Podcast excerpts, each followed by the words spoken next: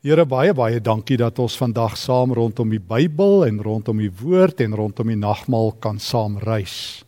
Wil U ons vandag ontmoet, Here? Wil U lewende brood met ons breek? Wil U ou en nuwe skatte uit die Bybel met ons deel?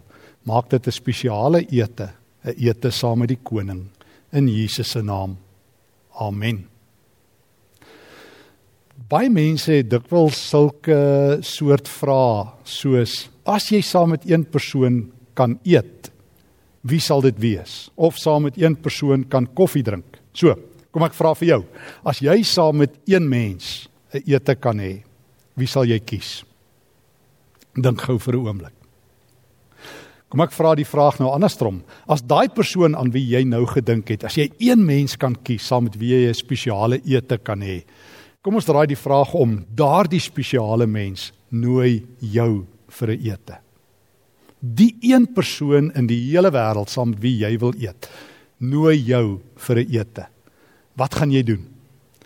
Wel, jy kan op 'n paar maniere reageer, maar ek dink daar gaan eintlik net een normale reaksie wees en dit is hier kom ek. Dit sal verskriklik wees as jy die ete van die hand wys. Dit sal verskriklik wees as die mees spesiale persoon in die wêreld wat jou nooi, as jy vir so 'n persoon sê, "Hm, my dagboek is nou vol." Of ek stel nie meer belang nie. Of ek het belangriker ander afsprake. Feit, jy is genooi deur die belangrikste persoon in die hele heelal. Ek praat van Jesus. Jy is genooi om by hom te kom eet. Nee nee, hy nooi jou. Hy wil by jou kom eet, die koning van die heelal. En ek is nog altyd verstom. En tot nou toe hier waar ek staan, dat baie mense hierdie ete nie verstaan nie. Ek onthou toe ek 'n jong ouetjie in die kerk was wanneer daar nagmaal was, dan dan was daar nie Sondagskool soos die ou mense gesê het nie. En dan het baie ouens sommer afgevat vir die naweek, dan hoef die kinders nou nie katkesasie te hê nie. Want die ete was net nooit so belangrik nie. En dan kon ouens nou maar die ete los. Ek het ook agtergekom dat die nagmaal baie minder belangrik beskou word in die kerk, in die kerk van ons dag as die doop. O, dit breek my hart al hierdie groot gevegte oor die doop. Dit is asof mense nie genoeg kan stry oor hoeveel water moet jy op iemand gooi En hoe groot moet iemand se lyf nou wees voordat jy water op hulle gooi nie? En wanneer gaan mense nou self besluit wanneer die doop so of so verstaan moet word nie? Dit is so nie die Nuwe Testament nie. Die Nuwe Testament is nie gepla oor die meganika nie, of hoe groot of hoe klein jou lyf is nie, want hulle het almal gedoop. Daar's families gedoop. Hulle het ook nie saak gemaak oor hoeveel water op jou gegooi is nie. Ek weet in op in Handelinge 2 wanneer daar op Pinksterdag uh, 3000 mense gedoop word, dan kon hulle nie onder die water ingaan nie van in Jerusalem wat in die woestyn is, is daar nie damme nie. Daar is gewoon net nie 'n plek gewees om dit te doen nie. Maar ek weet Paulus en ek weet um, die uh, hofdienaar van Ethiopië en so aan hulle is uh, onderdompel. Maar die Nuwe Testament veg nie oor meganika en oor hoe dinge gedoen moet word nie. Oor die mooiheid van die doop, daardie diep teologie dat ek saam met Jesus deel geword het van sy familie en dat God dit onthou. Ja, dit verstaan lyk vir my min mense. Dat ehm um, dat God onthou hy het ons op sy foto ingesluit. Soos hy onthou dat kinders op die 8ste dag besny is. Soos hy onthou het dat kindertjies van kleins af die Pasga geëet het. So onthou God maar terug na die ete. Die die nagmaal en die doop is in die Nuwe Testament nie op dieselfde vlak nie. Jesus sê in Lukas 22 in ons teks waarby ek wil stil staan dat die Nuwe Testament begin by die nagmaal. Sjoe, sjoe, kan ek dit vir jou lees? Hy sê in, in Lukas 22 vers 20 Met die beker na die maaltyd het hy net so gemaak en gesê: "Hierdie beker is die nuwe verbond, die nuwe testament en dit is beseël deur my bloed wat vir julle vergiet word. Wow, het jy gehoor? Die Nuwe Testament begin by hierdie ete. Die Nuwe Testament. Daai oomblik, daai donderdag aand toe Jesus in die bovertrek in Jerusalem is kort voor sy eie doodstog begin, bring hy die Nuwe Testament tot stand by 'n ete. En ons het gedink op skool, jy kan maar die nagmaal soos die ou mense sê skiep. Ehm um, of jy moet eerder veg oor die doop. Maar die Nuwe Testament sê, die Nuwe Testament begin wanneer Jesus eet met sy disippels. En as jy gewonder het hoe belangrik is hierdie ete. Jesus vee nie net uh tradisies van die tafel as hy dit instel nie. Hy vee uh, die grootste godsdienstige ete van alle tyd van die tafel af. Wat sal jy maak as dit Kersfees is? En jy sit aan by die Kersete. En ehm um, pa en ma kondig aan of oupa of jou vrou of jou man kondig aan. Ons gaan nie meer Kersfees vier nie. Ons gaan nie 'n Kersfees ete eet nie terwyl jy aan daai tafel sit. Wat sal jy maak as dit jou verjaarsdag is en dis 'n spesiale verjaarsdagete of 'n spesiale huweliksherdenkingsete en as al daai kos so uitgepak is, staan iemand op en sê ons gaan nie meer hierdie fees vier nie. Dis presies wat Jesus doen in Lukas 22. Ek lees Lukas 22 vers 14. Toe dit tyd was het Jesus aan tafel gegaan. Dit was nou die tyd toe die Pasga begin en die apostels saam met hom. En ons weet Pasga begin op 15 Nisan, altyd tot vandag toe. Die maand Nisan, so min of meer tussen Maart April op ons kalender en konsekwent die middag van die 14de want die Jode tel van sononder tot sononder. Die middag van die 14de word die Paaslammers voorberei. 15 Nisan begin Jesus is in die huis vir die Paasfees. En die Paasmaaltyd tot vandag toe vir duisende jare is die grootste godsdienstige ete in die wêreld. Wel vir Jode. Dit is die ete wat op vaste bane hardloop. 15 elemente is al van voor die tyd van Christus af ingebou in hierdie ete. 4 bekers wyn uh 'n klompie seënspreuke, sekere maniere hoe die brood gebreek word, die ehm um, die kruie voorberei word, die lam en die ander vleisgeregte opgedis word. En nou daar word niks afgewyk van hierdie tradisie nie. Die Paasmaaltyd kyk terug, onthou jy Eksodus 12? Dit vertel van die uittog. En pa en kinders daar in Eksodus 12 vers 26, die kinders vra, "Hoekom eet ons vanaand hierdie ongesuurde kruie en hierdie brood so vreemd?" Dan moet jy vertel van die uittog uit Egipte. En dis wat Israeliete vier en dit is die groot ete. En lyk vir my baie Christene wat nie die nagmaal verstaan nie, dink nog steeds die Paasfees moet eintlik ook gehou word. Maar nou sit die Here Jesus aan die tafel. Hy wat 'n 'n 'n sakrament gebring het groter as die doop. Ja, ek sê die doop is lewensbelangrik, moet my nie verkeerd verstaan nie. Dit is Romeine 6 dit verwys na dat ons saam met Christus in sy dood ingedoop is. Maar Jesus stel eers die doop in as hy hemel toe gaan, maar die nagmaal stel hy in net voor hy doodgaan, voor hy gekruisig word. En dan vee hy die pasga van die tafel af. Ek kan die skok op die disippels se gesigte sien. Ek dink nie ons ons ons voel genoeg die skok van hierdie teks nie. Hier sit die disippels en hulle is in hierdie tradisie wat duisende jare kom. Hulle hulle het groot geword in Galilea, daar waar hulle opgegroei het. Op Pesach 15 Nisan as die son gesak het, word hierdie tradisionele ete gehou. Jy lê aan, soos wat hier geskryf word, op jou linkerarm, arm jy eet die kos, die brood en die die ongesuurde brood en jy drink die wyn met jou regterhand. En hier kom die Here Jesus en wat doen hy? Hy roep die pasga asseblief. Hy sê nee, dit gaan nie meer soos die vorige 3000 jaar gebeur nie. Wat 'n skok. Wat 'n skok. Hoor nou. En ewe skielik gee Jesus nuwe betekenis. Hy sê hy het uitgesien na hierdie paasmaaltyd. Hy sê maar kom ons verander gou die ete. Kom ons stop gou Kersfees en ons maak 'n beter fees. Kom ons stop gou 'n verjaarsdagfees en ons maak 'n nuwe fees. Kom ons maak die ete saam met die koning. Paasfees vertel julle van God wat gered het. Maar nou kan julle saam met die koning regtig eet. Daarna vers 17 van Lukas 22 het Jesus die beker geneem, die dankgebed uitgespreek wat Jode gebid het en toe sê hy: "Neem en gee dit vir mekaar." En toe neem hy die brood vers 19, spreek die dankgebed uit. En hy sê dit is my liggaam. Hier kom die skok. Nee nee, dit wys nie terug na Egipte nie. Dit wys nie meer terug na die verlossing uit die farao se mag, Eksodus 12 se dae nie. Daar's nie meer nodig om bloed aan die deurkusyne te smeer nie. Dit, hierdie brood is nou my liggaam wat vir julle gebreek word. Dit is my liggaam. Ek gee my vir julle. Hier is die nuwe ete. Die ete saam met die koning waar die koning sê, "Kan ek met jou ruil? Ek gee my liggaam vir jou sodat jou liggaam myne kan word. Die groot opruil ete, my lewe vir Jesus, my my mens wees vir sy redding." Romeine 5 sê Paulus, die eerste Adam het sonde gebring, maar die nuwe Adam Christus bring ewige lewe, lewe in oorvloed.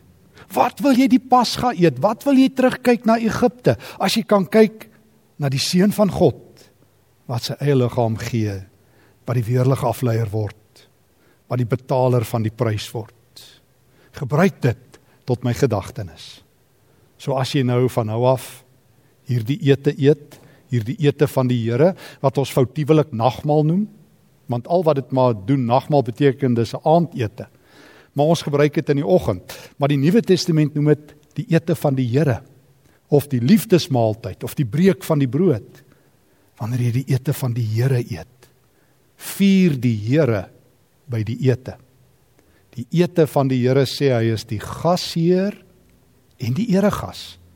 Kan ek gou weer sê, die gasheer en die eregas. O, hy's die gasheer wat jou nooi na die ete toe en hy's die eregas oor wie die ete gaan. Hy sê dit is my ete, dis koningskos. Eet hierdie brood en jy lewe vir altyd. Soos hy in Johannes 6 sê, wie my eet sal nooit ooit weer honger word nie. Eet my en lewe. Dis skokkend vir die Jode. Hulle kan nie. Jesus gaan voort. Vers 20. Met die beker na die maaltyd het hy net so gemaak en gesê: "Hierdie beker is die Nuwe Testament. Nou begin God voor en oor. Hierdie is die Nuwe Testament. Hebreërs 1 in die ou dae het God met ons gepraat deur die profete, maar in hierdie laaste dae het hy met ons gepraat deur die Seun. God begin iets nuuts en as jy hierdie by hierdie ete aansit, dan sê jy ek is 'n nuwe mens. Ek is 'n nuwe mens. Hierdie is die nuwe verbond, die nuwe ooreenkoms tussen God en mense en my bloed is die stempel laat dit eg is. Dit word vir julle vergiet. Jesus gee sy lyf, sy liggaam en hy gee sy bloed. Hy gaan dood. Hy ruil homself. Paulus se woorde 2 Korinte 5 vers 20 Christus wat geen sonde geken het nie is in ons plek as 'n sondaar behandel sodat ons vrygespreek kan wees. Dit is die evangelie, die goeie nuus. Dit is die ete van die Here. Verstaan jy my frustrasie dat dat die kerk hierdie ete so lig vat? Sommige maar net so tradisioneel deur dit gaan en eers dink wat dit beteken nie. Dat ons meer veg oor die doop, dat meer mense sê die Heilige Gees lei hulle om op 'n sekere manier gedoop te word as dat iemand sê ek het nog nooit iemand hoor sê die Heilige Gees het gelei om nagmaal te hou nie. Die ete van die Here, die Nuwe Testament En hier kom Jesus en hy sê ek nooi jou vir 'n ete. Maar jy moet baie mooi weet ek is die eregas en die gasheer. En as jy daai stukkie brood vat, dan sê daai brood vir jou so seker soos jy hierdie brood eet, het my liggaam vir jou is uitgebreek. En so seker soos jy in hierdie wyn vat en dit drink, so seker is my bloed vir jou vergiet. Ek het vir jou plek en daarom sê Jesus vroeër in die teks ek het so uitgesien om hierdie maaltyd saam met julle te eet voordat ek ly. Ek sê vir julle, ek sal dit nie weer eet voordat die koninkryk van God sy volle betekenis gekry het nie. En daarmee sluit ek af. Wanneer jy saam met Jesus eet, as jy 'n koninklike, dan sê jy Here, een van die dae, elke keer as hierdie brood en hierdie beker neem, een van die dae, Here, One of these days, een van hierdie dae gaan ons saam met U eet. Here, hou die hemel reg. Hou die hou die fees reg. Ek is op pad. Ek wil saam met U eet. Een van die dae. En Jesus sê ek kan nie meer wag nie. Ek berei vir julle plek. Nee, ek berei 'n feesmaal. Want as Jesus kom, kom hy met 'n fees. En dis wat hy vandag vir jou sê. Ek nooi jou na 'n ete toe. En jy hoef nie ehm um, sonder hierdie ete te wees nie. Jy kan dit ook in jou huis vier, want die kerk is waar 2 of 3 bymekaar is. En daarom kan ons ook vandag hierdie ete met mekaar saam vier. Ehm um, en ek wil graag saam met jou bid. Uh en en stil raak, laat ons vir die Here vra dat hy hierdie ete, hierdie diep diep betekenis van die nagmaal in jou en my se hart sal oorskryf sodat ons um, kan weet ons is genooi deur die eregas, die gasheer, Jesus die Here, die blinkmôre ster, die koning van die konings, die Here van die Here, hy wat hemel en aarde in sy hande hou, hy wat opgestaan het en tot in ewigheid leef, dat ons weet ek is genooi. Ek is op die A-lys, die hooflys van die ete van 'n ewigheid. Jesus het my genooi.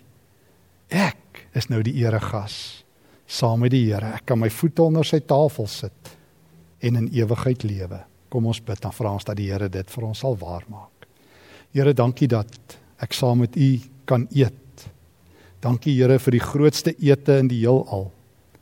Dankie dat die ete van die Here selfs groter is as die Pasga. Dankie dat U dit goed gekies het om die grootste ete ooit te vervang met U self. Here, wil U ook vandag hier in my huis die eregas en die gasheer wees wat saam met my en my mense kom brood breek. Kom Here en en kom herinner my dat hierdie ete die ete is wat vir altyd lewe gee. En Here, hoe sien ons nie uit om saam met U eendag fees te vier in U nuwe woonplek nie. Wees nou by ons, Here, in Jesus se naam. Amen. Ek wil graag vra dat jy daar in jou huis saam met jou mense ook saam die ete van die Here sal vier. Die nagmaal, soos wat ons dit noem, uh of die breek van die brood. Ek het nie nodig om baie te sê nie en ek wil graag jou net uitnooi om 'n stukkie brood gereed te kry en um 'n bietjie wyn of druiwesap soos jy goed dink, wat ook al, is reg. Want um, ons kan ook in ons huise hierdie ete vier. Ons hoef nie maar net in die gemeente saam te wees op 'n Sondag waar al die ander gelowiges is nie. Jesus het gesê waar 2 of 3 is, daar is hy. Dit is reeds kerk. En dit is juis wanneer ons as families bymekaar is van KSM in ons huise waar die Here Jesus ook kom en ons nooi vir 'n ete. En daarom as jy 'n stukkie brood byderhand het, wil ek jou herinner dat die brood wat ons breek dit is die gemeenskap met die liggaam van ons Here Jesus. Dit sê dat Jesus se liggaam gebreek is tot 'n volkomme verzoening van al ons sondes. Dit sê as ek in hierdie brood eet, dan glo ek dat God en ek weer vriende is. Dat God van sy kant af alles reggemaak het met my omdat ek glo in Jesus. Kom ons eet saam. Deel dit met jou huismense uit asseblief en en kom ons gebruik saam die ete van die Here en dan dink ons terug aan dit. Terwyl die brood my herinner aan die liggaam van ons Here Jesus, onthou ek dat hy na die ete die beker geneem het, God dankie gesê het en dit toe um, uitgedeel het aan al sy disippels aan die tafel daar by die nuwe ete, die ete van die Here. En toe het hy gesê: "Neem, drink en dink. Waaraan? Aan Jesus. Dink aan Jesus wat sy eie bloed vergiet het aan die vloekhout van Golgotha, sodat ek nie weer my bloed hoef te gee om God se guns te wen nie. Neem, deel dit met jou huismense. Drink en dink aan ons Here Jesus, aan die bloed wat gegiet is sodat ek kan lewe tot 'n ewigheid ander kan die dood. Kom ons bid. Here Jesus, baie dankie vir hierdie spesiale ete. Vir die grootste ete in die heelal. Die enigste ete wat in die ewigheid sal voortgaan. Een van die dae, Here, gaan ons saam met U eet en feesvier in U hemelse woning. Ons kan nie wag nie. Ons sal saam met die kerk van die eeue uitroep Maranatha. Kom Here Jesus, kom gou. Dankie Here dat U die eregas is. Ons het U gesien vanoggend by die tafel. in die geloof. Dankie dat U die gasheer is. Ons het in die geloof gesien hoe U die brood breek en die beker met ons deel. Here bly by ons as die eregas en die gasheer en die Heer van ons lewe. Ons bid dit in die mooi naam, die kosbare naam van Jesus die Here. Amen.